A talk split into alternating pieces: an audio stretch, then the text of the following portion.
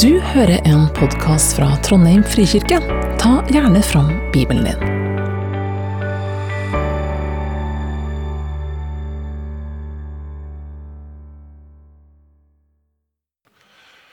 En sabbat underviste han i en av synagogene. Der var det en kvinne som hadde vært plaget av en sykdomsånd i 18 år. Hun var helt krumbøyd og kunne ikke rette seg opp. Da Jesus fikk se henne, kalte han henne til seg og sa, 'Kvinne, du er løst fra sykdommen din.' Han la hendene på henne, og straks rettet hun seg opp og lovpriste Gud.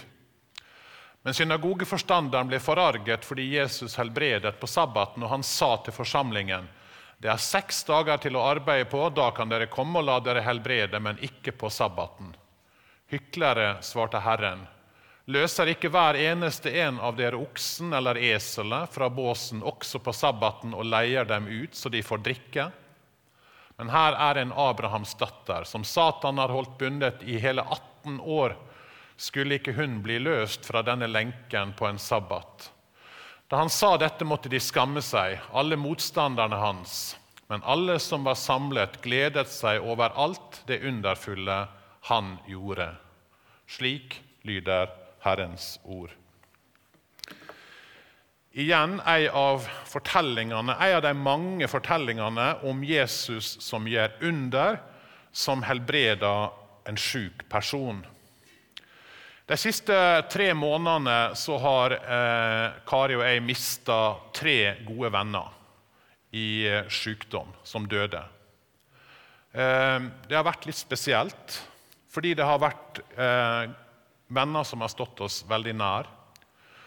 Eh, og den opplevelsen av at vi har bedt for dem hver dag, men de ble ikke friske. Eh, det er noe når sykdom og død kommer nært inn på livet. Selvsagt har det med alder å gjøre. De var på vår alder, alle tre. Men likevel så er det liksom dette her Hvordan møter vi dette med sykdom og død? Når vi får det nært inn på livet, og det var det jeg tenkte jeg skulle si litt om i dag For ca. ei uke siden så leste jeg en tankevekkende eh, artikkel, eller eh, ja, en eh, en essay eller en lang artikkel av en prest som heter Knut Grønvik. Den var opprinnelig skrevet i et magasin som heter Strek, men Vårt Land fikk lov til å trykke den. Fordi Knut Grønvik skriver om sine egne erfaringer med å få kreft.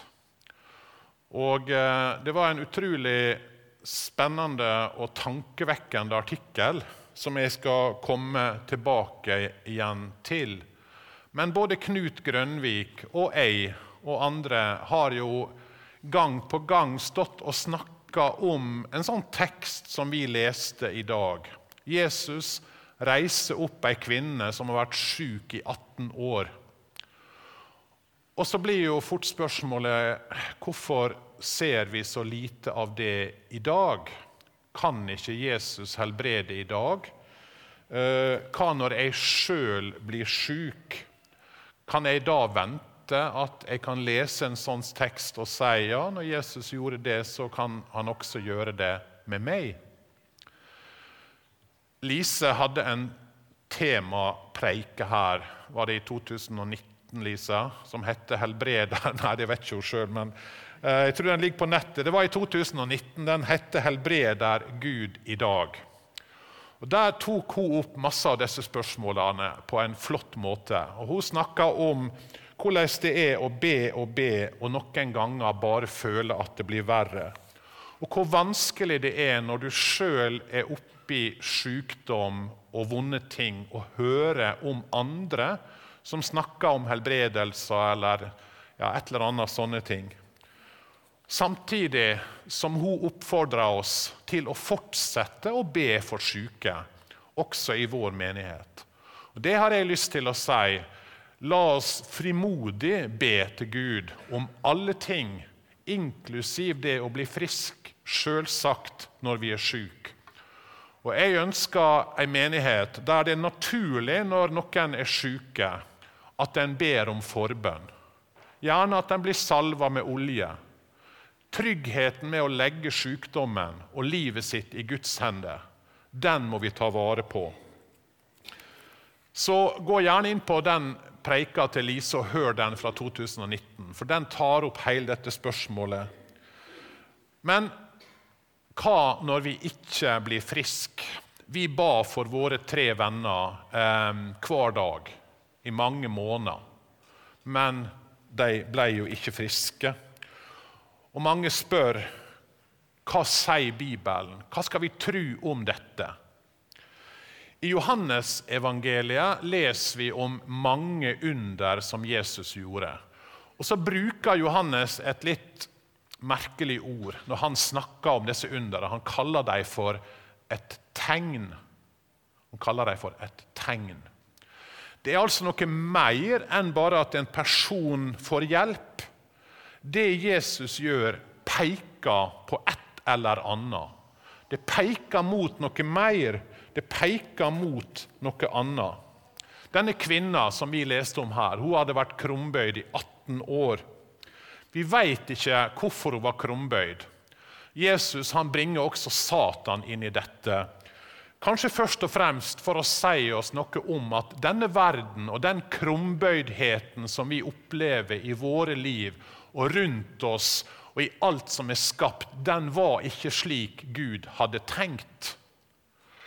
Også Satan kom inn, frista de første menneskene. Også Satan spiller en rolle i det at denne verden ikke er sånn som Gud hadde tenkt. Når Bibelen sier at synda si lønn er døden, det gjør den jo i Romerbrevet, så betyr ikke det at hver den som synder, han dør. Sånn. Pang. Det hadde jo ikke vært noen her på gudstjeneste i dag. Det hadde vært tomt. Men den sier noe om at konsekvensene er død. Fysisk og åndelig. Så når Jesus bringer Satan inn i dette, her, så er det ikke for å si at hver gang noen er syk, så er det Satan sitt verk. Men han sier noe om at det er også en motstander som har vært med på å ødelegge det fullkomne, det perfekte som Gud hadde tenkt. Jesus gjør et under, og det er et tegn. Det peker på et eller annet. Da Jesus fikk se henne, kalte han til, henne til seg og sa, 'Kvinne, du er løst fra sykdommen din.' Han la hendene på henne, og straks rettet hun seg opp og lovpriste Gud. Når Jesus retter opp denne krumbøyde kvinna, så er det et tegn. Fordi hele verden ligger krumbøyd. Vi er innkrøkt i oss sjøl, sa Luther, om vår egoisme og vår egen vondskap og vår sjølopptatthet. Hele verden ligger krumbøyd i det vonde, i sykdom, i død. Alt som det som Gud hadde tenkt ikke skulle være sånn når han skapte denne verden. Konsekvensene av syndefallet, av at djevelen fikk friste de første menneskene, at vi har snudd Gud ryggen, det er at hele verden, hele skapninga, sier Paulus, er underlagt forgjengeligheten. I Romerbrevet 8 så skriver han et ganske langt avsnitt om dette, som er veldig spennende å lese, fordi han sier noe om at det er altså slik at vi lengter etter å bli fri fra dette slaveriet. Slik denne kvinna lengter etter å bli reist opp fra sin krumbøydhet. Vi vet, sier han, at helt til denne dag sukker og stønner alt det skapte. Legg merke til det. Ikke bare mennesker, men hele naturen. Alt det skapte, sukker og stønner samstemt som i fødselsrier. Og så sier han at også vi som har fått Ånden, den første frukt av høsten som kommer, sukker med oss selv og lengter etter å bli Guds barn fullt og helt når kroppen vår blir satt fri. Alt er underlagt forgjengelighet. Vi lever i en krumbøyd verden, og vi lengter etter at vi skal bli satt fri. Kroppene våre de forfaller sakte, men sikkert. Det merker jeg mer og mer når jeg nærmer meg 70 år. Jeg var på ski i går og datt. Og hun, Barnebarnet mitt på ti år hun måtte hjelpe meg opp igjen med å holde, holde, staven sin. Det er på en måte på det nivået vi har kommet. ikke sant? Vi forfeller. Vi er ikke sånn som vi var. Vi sukker, vi krumbøyde mennesker. Og når Jesus kom og retta denne kvinna opp igjen, ja, så er det et tegn for at Jesus kom for å rette opp alle krumbøyde og fortvilte og nedbrutte mennesker. Og så har vi hatt en fantastisk dåp i dag. Og hva skjer i dåpen, sier Paulus? Jo, i dåpen ble dere begravet med ham og i den ble dere også reist opp med ham ved troen på Guds kraft, han som reiste Kristus opp fra de døde. Ikke bare ble vi begravd med Jesus i dåpen, men vi ble reist opp til et nytt liv fordi han tilga oss alle våre misgjerninger. Fantastisk setning. Til et nytt liv som en dag skal bli fullkommen så er altså denne helbredelsen, sier Johannes, det er et tegn. Og Tim Keller, som også Lise siterte det er sitatet i si preike, men han sier Jesu mirakler er ikke bare en utfordring for vår hjerne, men et løfte til hjertet om at den verden som vi alle ønsker oss, den kommer. Den peker framover mot da ingen av oss lenger skal leve krumbøyd, men fri og oppreist sånn som Gud hadde tenkt. Men så, mens vi lever her, underveis Hvordan forholder vi oss da til sykdom? Jeg skal prøve å si litt om det. Eh, og Jeg skal fortelle dere om en person som eh, noen av dere har hørt om. Han heter John Donne. Han er kanskje Englands, en av Englands største poeter, mest kjente poeter. Han levde fra 1572 til 1631. Jeg var på en retreat i England, og så leste jeg litt. Og da leste jeg en, eh, ja, en, et langt kapittel som Philip Yancy i en av sine bøker skrev om John Donne. Det gjorde et enormt inntrykk på meg. Fordi de tankene John Donne har, tror jeg, selv om de altså er 400 år gamle, kan være til veldig hjelp for oss. Eh, du har kanskje ikke hørt om John Donne, men du har kanskje hørt et par sitat fra John Donne som eh, tror er noen av de mest berømte sitatene i verden. 'No man is an island'. Det var det han som skrev. Ikke noe menneske er ei øy.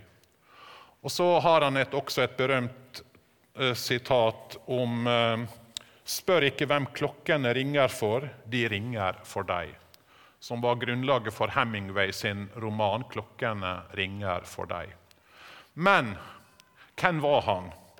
Han var vel kjent med sykdom og lidelser. Han var prest i St. Paulskatedralen i London mot slutten av livet sitt. Da var det tre utbrudd av pest, the Great Plague, i London. En epidemi som tok livet av ca. en tredjedel av befolkninga. En tredjedel av Londons befolkning flykta, en tredjedel døde, og bare en tredjedel levde igjen. Bare den siste bølga tok livet av 40 000. Midt i denne krisa så flokka folk seg til John Donne. Han var da prest i St. Paul for å få ei forklaring, for å få trøst. Og så kom de første tegnene på kroppen hans om at han også var smitta av pest. Og Det var omtrent å få dødsdommen. Han visste at han hadde ikke lang tid på seg. Mens han lå sjuk, så klarte ikke han å lese, han klarte ikke å studere, men han klarte å skrive. Han skrev denne lille boka, som er en av de mest berømte bøkene i verden, 'Devotions', eller en meditasjon. Vi kan kalle det en slags åndelige tanker, ei dagbok. Liggende i senga mens han tenker at 'nå dør jeg', så kjemper han med Gud, og så kjemper han med spørsmålet rundt lidelse og sykdom og død. Lidelse var ikke noe nytt for han. Da han var fire år, da døde faren. Familien var katolikker, og på den tida var det forbudt å praktisere katolsk tru, så de ble på en måte forfulgt. Han fikk ikke eksamen enda han utmerka seg ved Oxford. Broren hans ble satt i fengsel fordi han skjulte en katolsk prest. og Både den katolske presten og broren døde under tortur i fengselet. Til å begynne med så reagerte John Donne på all denne uretten og alt dette her er vanskelige med et utsvevende liv. Og I den tida skrev han noen av de mest erotiske dikta som er skrevet på engelsk. Men etter noen år med dette så skjedde det en radikal omveltning i livet til John Donne. Han møtte ei ung jente som heter Anne. Han ble rett og slett hodestups forgapt og forelska i henne. Ei solstråle som kom inn i livet hans, og som berga han. De gifta seg, men faren til Anne Moore, som hun hette, han var så imot dette ekteskapet at han fikk kasta svigersønnen i fengsel. Kan dere tenke dere? Hvis dere har dårlig erfaring med å bli mottatt av svigerfamilien, så bare nevn John Donson i forbifarta. Han, han hadde det verre. Og Der i fengselet, gift, men han fikk ikke være sammen med. Og så skrev han sitt kanskje mest eh, berømte, iallfall det korteste diktet sitt. Og det er slik John Donne andon, andon. Tilintetgjort. Han kom seg ut av fengselet, men han svartlista overalt. Han fikk ikke seg jobb. I nesten ti år levde han og Anne i den ytterste fattigdom. Anne var prega av depresjoner, holdt på å dø i barsel flere ganger. John fikk varige men etter fengselsoppholdet med intens hodeverk, magekramper og gikt. Hans lengste Eh, litterære verk i denne perioden det var et essay om fordelene med å begå selvmord. Så langt nede var han. Han meldte seg inn da i Church of England og ble etter lang tid ordinert som prest. Men året etter så døde Anne i barsel. Hun hadde født tolv barn. Fem av dem døde. John preika sjøl i begravelsen til kona si og Der tok han utgangspunkt i klagesangene. Lo, I am the man that has seen affliction. Jeg er mannen som har opplevd lidelse. I 1621 så ble han da altså prest i St. Paul, og folk strømma til. Fordi han, han forkynte og han talte på en måte som gjorde at folk skjønte han her veit noe om lidelse. Han her veit noe om lidelse. Og så blir han altså sjøl sjuk og får pest. Og Så ligger han der og skriver et av de sterkeste verkene i historien. Han uttrykker kanskje bedre enn noen elendigheter og kjedsomheter og søvnløsheten og oppgittheten med å ligge der lenka til senga. Og han går i rette med Gud og mest handler kanskje denne boka om krisa ved å være sjuk. Og Ei krise som han skriver om, det er frykt. Frykta. Og Jeg tror vi kjenner oss igjen. Ikke sant? Vi venter på prøvesvaret fra laboratoriet. Vi venter på hva legen skal si med dette besøket. Frykta som gnager. Og John Donne beskriver sin frykt både fysisk, men også den sjelelige frykta. Har Gud glemt meg? Lir jeg fordi jeg har gjort noe galt? Disse spørsmåla tar han opp. Han finner ikke svar på dem, og han kjemper og han kjemper. Og Så begynner han febrilsk å gå gjennom alle Bibelens ord om frykt. Og Så begynner det å gradvis demre for han at livet vil alltid inneholde omstendigheter som vil gi oss frykt. Det er ikke sånn at vi noen gang i livet kan bare si at nei, alt er greit, vi lever uten frykt. Nei, om ikke det er sykdom, så er det kanskje økonomiske problem. Om ikke det er fattigdom, så er det avvisning. Om ikke det er ensomhet, så er det mislykkethet. Og I denne verden som han sier vi lever i, så hadde han, ser han jeg har bare to valg. Jeg har bare to valg. Enten å frykte og elske Gud, eller å frykte alt annet. Og John Donne han velger å si jeg frykter Gud. Og Da ser han plutselig at all annen frykt forsvinner. Fiender? Nei. Gud kan overvinne dem. Svolt? Nei. Gud kan gi meg det jeg trenger. Død? Nei. Ikke engang det. Jesus har seira over den. Han innser at sann gudsfrykt på en måte tar livet av all annen frykt. Og Her tenker jeg kan John Donne lære oss noe. Når vi tviler, når vi er redde, hva er da alternativene? Og For min del så har det blitt sånn hvis jeg ikke stoler på Gud, hva skal jeg da stole på?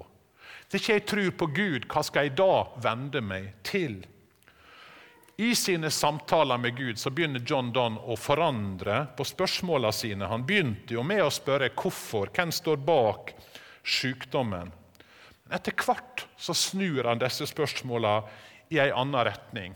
Ikke om hvorfor skjer dette her, hva er årsaka til det, og alt dette her, men heller hva er min reaksjon på det som skjer. Og Hans spørsmål blir til slutt vil jeg stole på Gud midt oppi dette her? Eller vil jeg vende Gud ryggen? Det ble på en måte spørsmålet for han. Og John Donne bestemte seg for at det spiller jo egentlig ikke noen rolle om sykdommen er sendt fra Gud, eller det er en tilfeldighet, eller jeg veit ikke hva.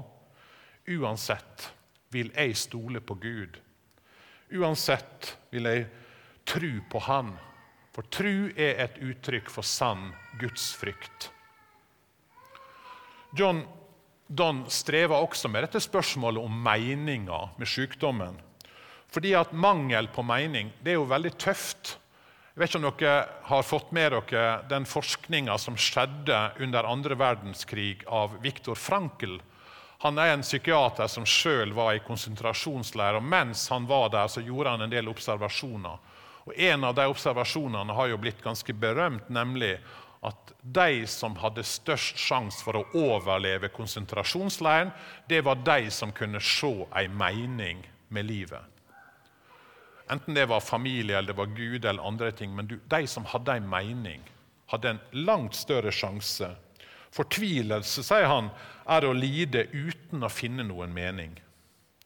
Men John Donne kjempa med dette spørsmålet òg. Og det var mens han hørte kirkeklokkene ringe, at han begynte å reflektere over livet. Ikke over hva er meninga med det som har skjedd, men hva er meninga med helse? Hva er meninga? Har jeg levd sånn som jeg skulle?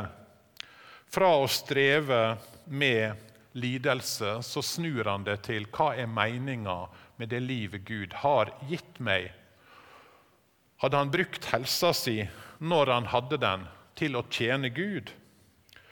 Og I denne prosessen så oppdaga han noen nye ting. Prøvelser hadde rensa han fra synd og utvikla karakteren.